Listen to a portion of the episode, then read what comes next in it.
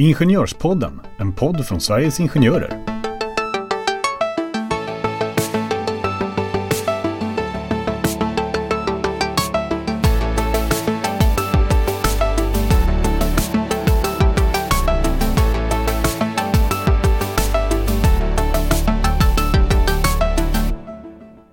När kan man få rättshjälp? Och vad gör egentligen en förbundsjurist? Vilka tvister driver vi i domstol? Ja, det här är några av de frågorna som eh, vi ska försöka behandla i dagens avsnitt. Och eh, till vår hjälp så har vi bjudit in en gäst, nämligen Sveriges Ingenjörers chefsjurist. Varmt välkommen Helene Robson. Tack! Så kul att ha dig här i Ingenjörspodden.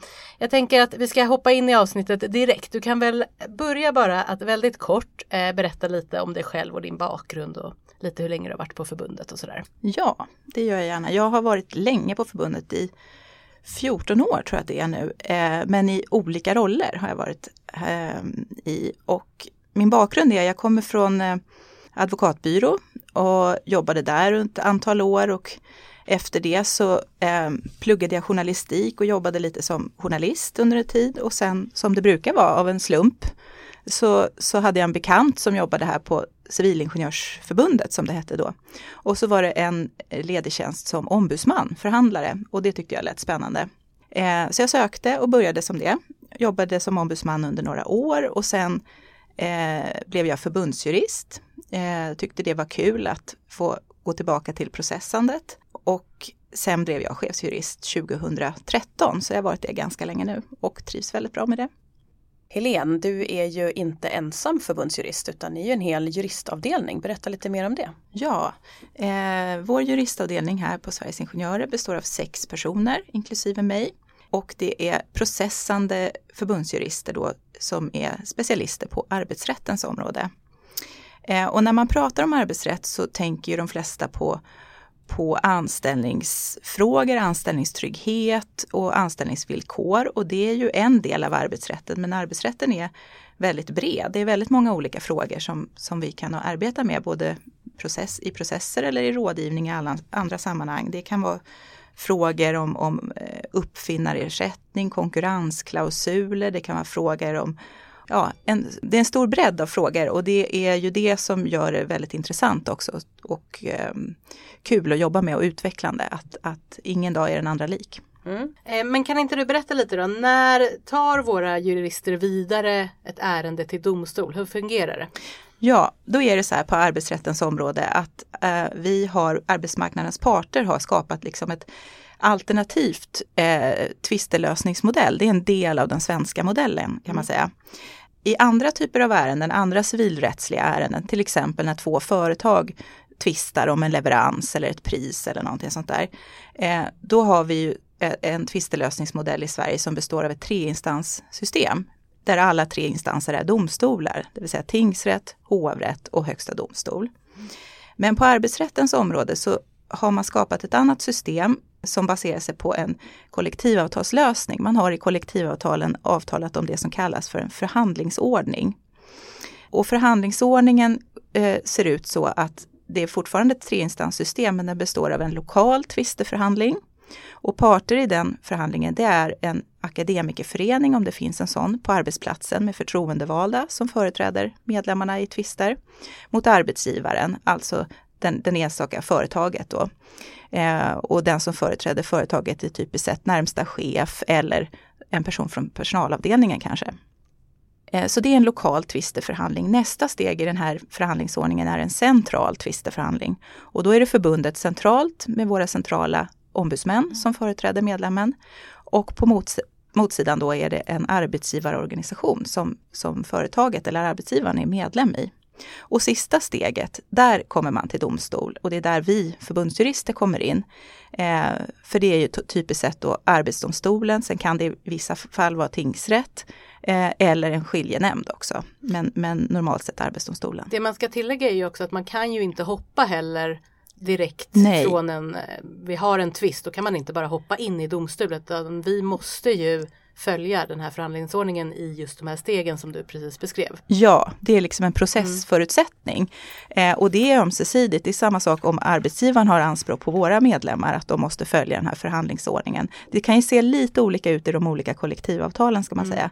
Eh, men, men typiskt sett så måste man liksom fullfölja förhandlingsordningen. Man måste gå igenom lokal och central tvisteförhandling innan man får tillträde kan man säga till mm. domstol. Och det är ju för att det här är ju tänkt att lösas i förhandlingar.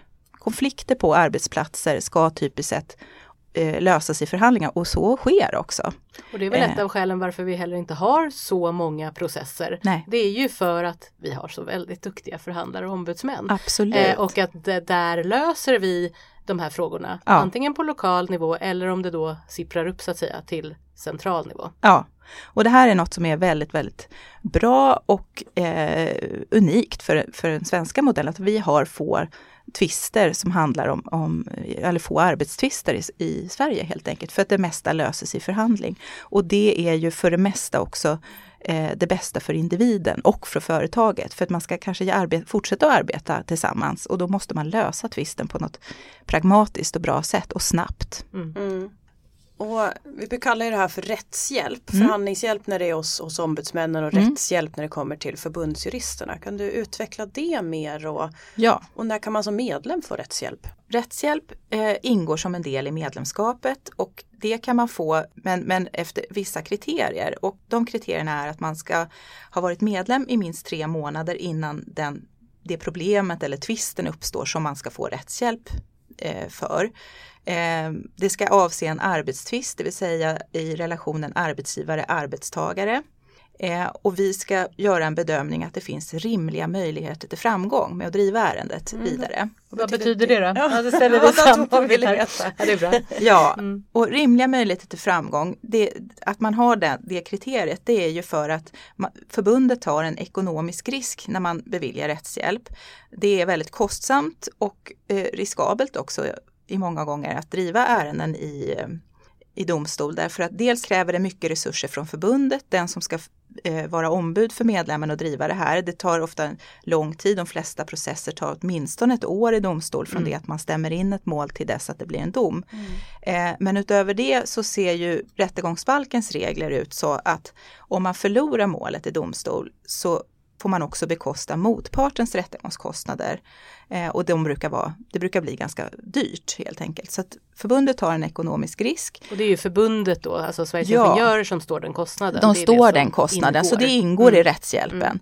Men, men avvägningen ska ju vara då att man vill ju naturligtvis hjälpa medlemmarna så mycket som möjligt i, när de hamnar i problem. Men eh, det här är ju medlem, medlemskollektivet som bekostar det här så att det får, måste ju göras liksom Eh, med viss försiktighet ändå. Mm. Eh, så att det blir en balans i det där. Men jag skulle ändå säga att Sveriges Ingenjörer har en generös eh, inställning till rättshjälp och om rättsläget är oklart i en fråga, då ser vi det också som vår roll att, att pröva frågan och få det fastlagt så att man, man vet hur, hur rättsläget ser ut. Mm. Du nämnde ju skiljenämnd tidigare när du gick igenom förhandlingsordning mm. och de olika domstolarna som är i. Är det någon skillnad på skiljenämnd jämfört med tingsrätt och arbetsdomstolen? Ja, en skiljenämnd är en slags privat domstol ska man säga. Mm. Som i vissa kollektivavtal har vi ju skiljenämnder som, som slutlig instans men man kan också avtala om det är ett enskilt avtal. VD till exempel, där är det väldigt vanligt att man har en skiljeklausul och då måste eh, tvisten lösa sin skiljenämnd. Man kan inte välja en, en domstol eh, istället.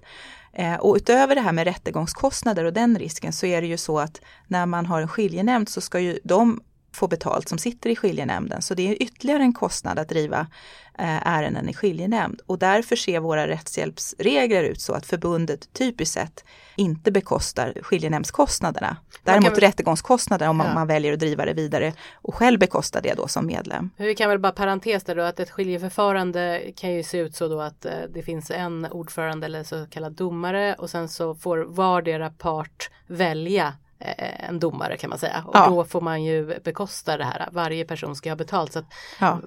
Skiljeförfarande är ju mycket dyrare på det sättet. Ja. Och varför man har ett skiljeförfarande är ju eh, för att företaget vill att det ska gå snabbt och eh, enligt dem kanske smidigt och det är ju heller inte offentligt. Nej precis, Det det, är att man, det hålls hemligt Mm. och det brukar vara motivet till att man vill Mm. ha Mm. ett skiljeförfarande. Men vi vill ju också stävja det Mm. eh, bruket. Så att det ska man tänka på när man skriver på eh, ett anställningsavtal eller, eller, eller något annat avtal där det finns ett skiljeförfarande. Eh, att, att det omfattas inte av rättshjälpen. Eh, och det är inte helt ovanligt att om arbetsgivaren vill ha ett skiljeförfarande för att hålla den här eventuella tvister hemliga, eh, att man också kommer överens om att det är arbetsgivaren som i så fall bekostar skiljeförfarandet. Det är inte helt ovanligt och det är att rekommendera. Vi kan väl säga också att man, om man vill läsa mer om eh, rättshjälpsreglerna Mm. så eh, finns det information på vår hemsida. Ja. Vilka områden ser du eh, att vi har, kanske ja, må, inte många tvister ska jag inte säga, men vilka områden har vi tvister? Är det alla Mm. de här områdena som du pratade om eller är det något som sticker ut sådär? Ja, man kan säga så här, det finns ju vissa typer av tvister som jag tror alla fackförbund har. Eh, och det är ju uppsägningstvister av olika slag och tvister om anställningsvillkor. Det kan vara se rörande semesterregler eller, eller lön eller bonus eh, och, och även diskrimineringstvister, kollektivavtalstvister. Det är liksom något som är gemensamt tror jag för de flesta förbund. Där Sveriges Ingenjörer skiljer ut sig jämfört med andra fackförbund eh, beroende på att vi företräder just ingenjörer och de arbetsuppgifter och de typer av tjänster de har och den typer av tvister de därför kommer i kontakt med. Det handlar om eh, uppfinnartvister till exempel. Vi har ju många medlemmar som jobbar med forskning och utveckling och, och åstadkommer jättefina uppfinningar och andra im- immaterialrätter och då kan det bli, bli eh, tvister om vem som äger den uppfinningen och om man ska ha rätt till ersättning för den uppfinningen. Jag passar på att säga att vi har ett, eh, ett poddavsnitt med eh, Karin Lundin som handlar just om uppfinningar och så vidare. För Ja. den som är intresserad kan gå tillbaka och lyssna. Andra typer av tvister som vi har ganska mycket av det är ju tvister om företagshemlighetslagen. Eh, för att eh, våra medlemmar kommer ofta i kontakt med företagshemligheter. De har ofta sådana typer av tjänster där de får, får veta företagshemligheter och när de går vidare till en ny anställning så kan det bli tvister då om, om eh, man har tagit med sig någonting sånt eller inte. Och då kan jag skjuta in Mm. där Ja. att det har vi också haft ett avsnitt om med Magnus Bäckström, en av förbundsjuristerna. Mm. Som går in lite mer på det. Ja. Eh, och sen är det ju vanligt för att skydda företagshemligheter och skydda eh, kunnandet att eh, våra medlemmar skriver på konkurrensklausuler i sina anställningsavtal eller i separata avtal senare under anställningen. Där man åtar sig ett längre gående konkurrensförbud än vad som annars gäller. För att normalt sett så är, är det ju så att man får ju inte konkurrera med sin arbetsgivare under pågående anställning. Men har man skrivit på en konkurrensklausul så sträcker den sig i tiden efter anställningens Mm. upphörande. Och då måste man iaktta den och inte konkurrera, starta konkurrerande verksamhet eller ta anställning kanske hos en konkurrent under en viss tid. Och det kan ju bli en väldigt besvärlig situation. Så där ska man också tänka sig för och ta kontakt med förbundet innan man skriver på en sån. Den där, den där vi pratar ju ofta om konkurrensklausuler, det där är svårt för att ofta Ja. när man har en konkurrensklausul i ett anställningsavtal så handlar det ju om att eh, antingen så skriver du på den här eller så kommer du inte få det här jobbet för det här är, eh, kan vara ett stort företag, det är lika för alla. Den, den är klurig alltså. Den är här. klurig. Mm. Ja, och ibland har man kanske inget val, Nej. precis som du säger. Eh, men men hur, hur den är formulerad Mm. kan man ju kanske Mm. påverka i alla fall. Få den, få den eh, snäva in den lite så att Mm. den... Kanske tidsperioden och Ja, framförallt om det skulle vara något vite eh, Ja. inblandat och så ja, vidare. Mm. ja, Ja, och tydliggöra framförallt vad är konkurrerande verksamhet. ja, precis. Försöka få det Mm. lite mer Ja. Mm. uppenbart om Mm. det går. Så det är områden som jag ser eh, växer och som är kanske specifika också för, ehm, för våra medlemsgrupper så att säga. Eh, utöver det här som jag sa tidigare som alla fackförbund driver. Mm. Så då har vi fått lite mer information om domstol och lite olika domstolar och skiljenämnd och kostnader och sånt där. Men förutom att processa, Mm. vad gör en förbundsjurist då? Ja, eh, en stor del av, av vår eh, vardag består av att vi ger rådgivning till våra ombudsmän. Mm. Eh, vi sitter och arbetar väldigt integrerat med förhandlingsavdelningen. Eh, så att vi, vi mycket rådgivning till dem som i sin tur Eh, ger rådgivning till medlemmar eller tar med sig den rådgivningen in i förhandlingar. Och det kan ju vara till exempel i ett läge när en medlem har fått ett förlikningsbud och en förhandling håller på att avslutas och då måste ju medlemmen eh, veta, ska jag ta det här budet och om jag inte gör det, får jag rättshjälp till exempel då, så att man vet vad man har för alternativ. Eh, den typen av rådgivning kan det vara. Eh, sen stöttar vi och försöker hjälpa förhandlingsavdelningen med olika saker utöver själva rådgivningssituationen. Vi är ju med eh, i avtalsförhandlingarna, kollektivavtalsförhandlingarna som pågår just nu, avtalsrörelsen.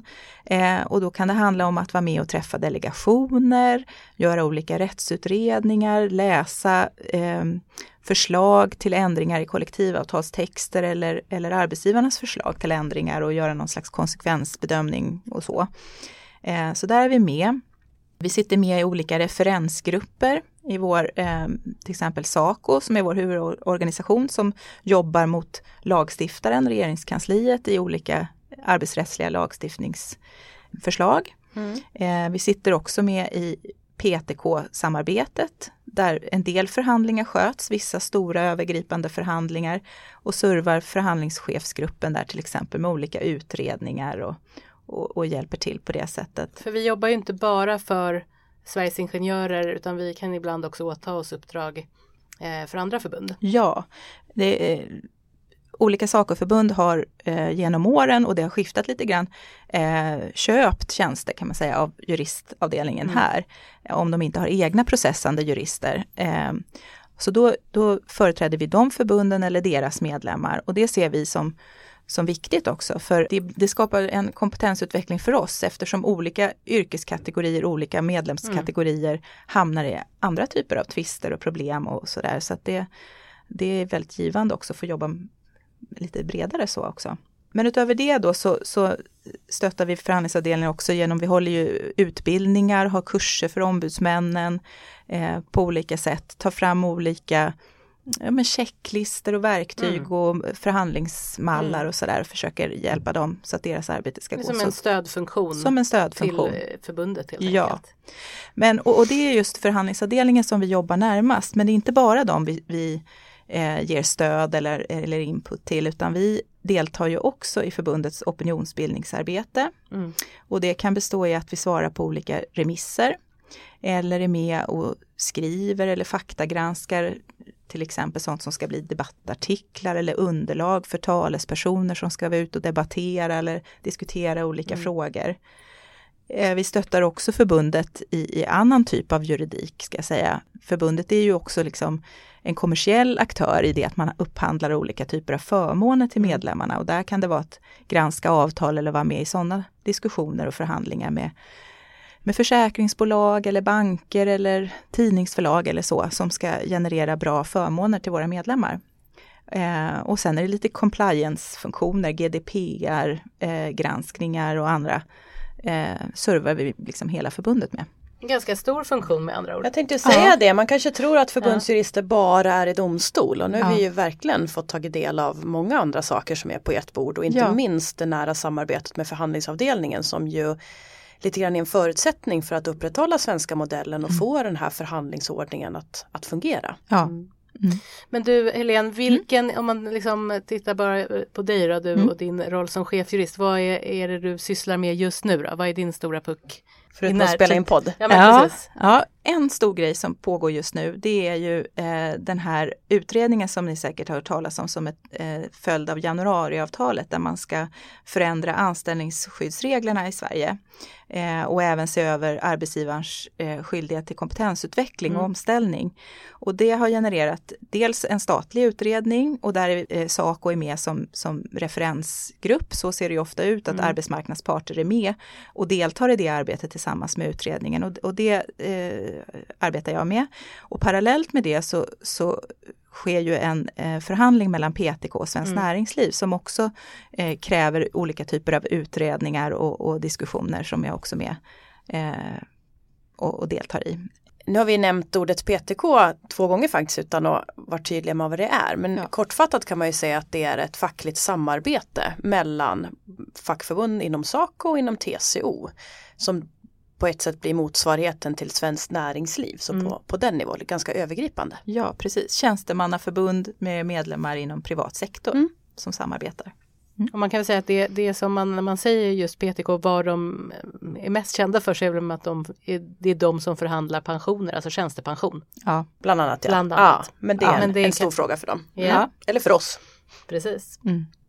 Så sammanfattningsvis mycket LAS-utredningar, eh, både förhandlingar och statliga utredningar. Sen sitter jag med i en referensgrupp på Saco eh, som handlar om ett EU-direktiv om eh, visselblåsarregler, alltså skydd för personer som, som är whistleblowers, alltså mm. alltså som talar om oegentligheter som förekommer, eh, som ska implementeras i svensk rätt. Spännande, när ska mm. det implementeras? Eh, nu under året här eh, under 2020 så att vi sitter och, och, tittar på de här reglerna. Det kom ju en, en visselblåsarlag för inte mer än kanske två år sedan i Sverige. Men efter det då så har ett EU-direktiv kommit till som ställer lite andra krav på medlemsstaterna så att den, den här lagen måste göras om ganska ordentligt. Spännande, kanske mm. vi får anledning för att återkomma i podden. Ja, dels om den och sen tänker jag framförallt LAS-utredningen eh, ja. är ju väldigt på tapeten. Så där tror jag absolut att när man har kommit längre fram så får vi helt enkelt ha säkert ett avsnitt bara om vad ja. händer med den svenska arbetsrätten? Ja, och utredningen ska vara klar den 31 maj i mm. år och förhandlingarna eh, är tänkta att få fortsätta sen eh, in på höstkanten och bli klara då. Men det är ju väldigt stora frågor som både utredningen och förhandlingarna ska ta ansvar för så att det här är komplext. Mm. Ja, nej men med den där eh, cliffhangern till efter hösten, eller vid hösten då, så mm. får vi väl eh, tacka så, så jättemycket för att du kom och gästade Ingenjörspodden helt enkelt. Ja, Tack så mycket. Tack för det. hej, hej. hej, hej. hej.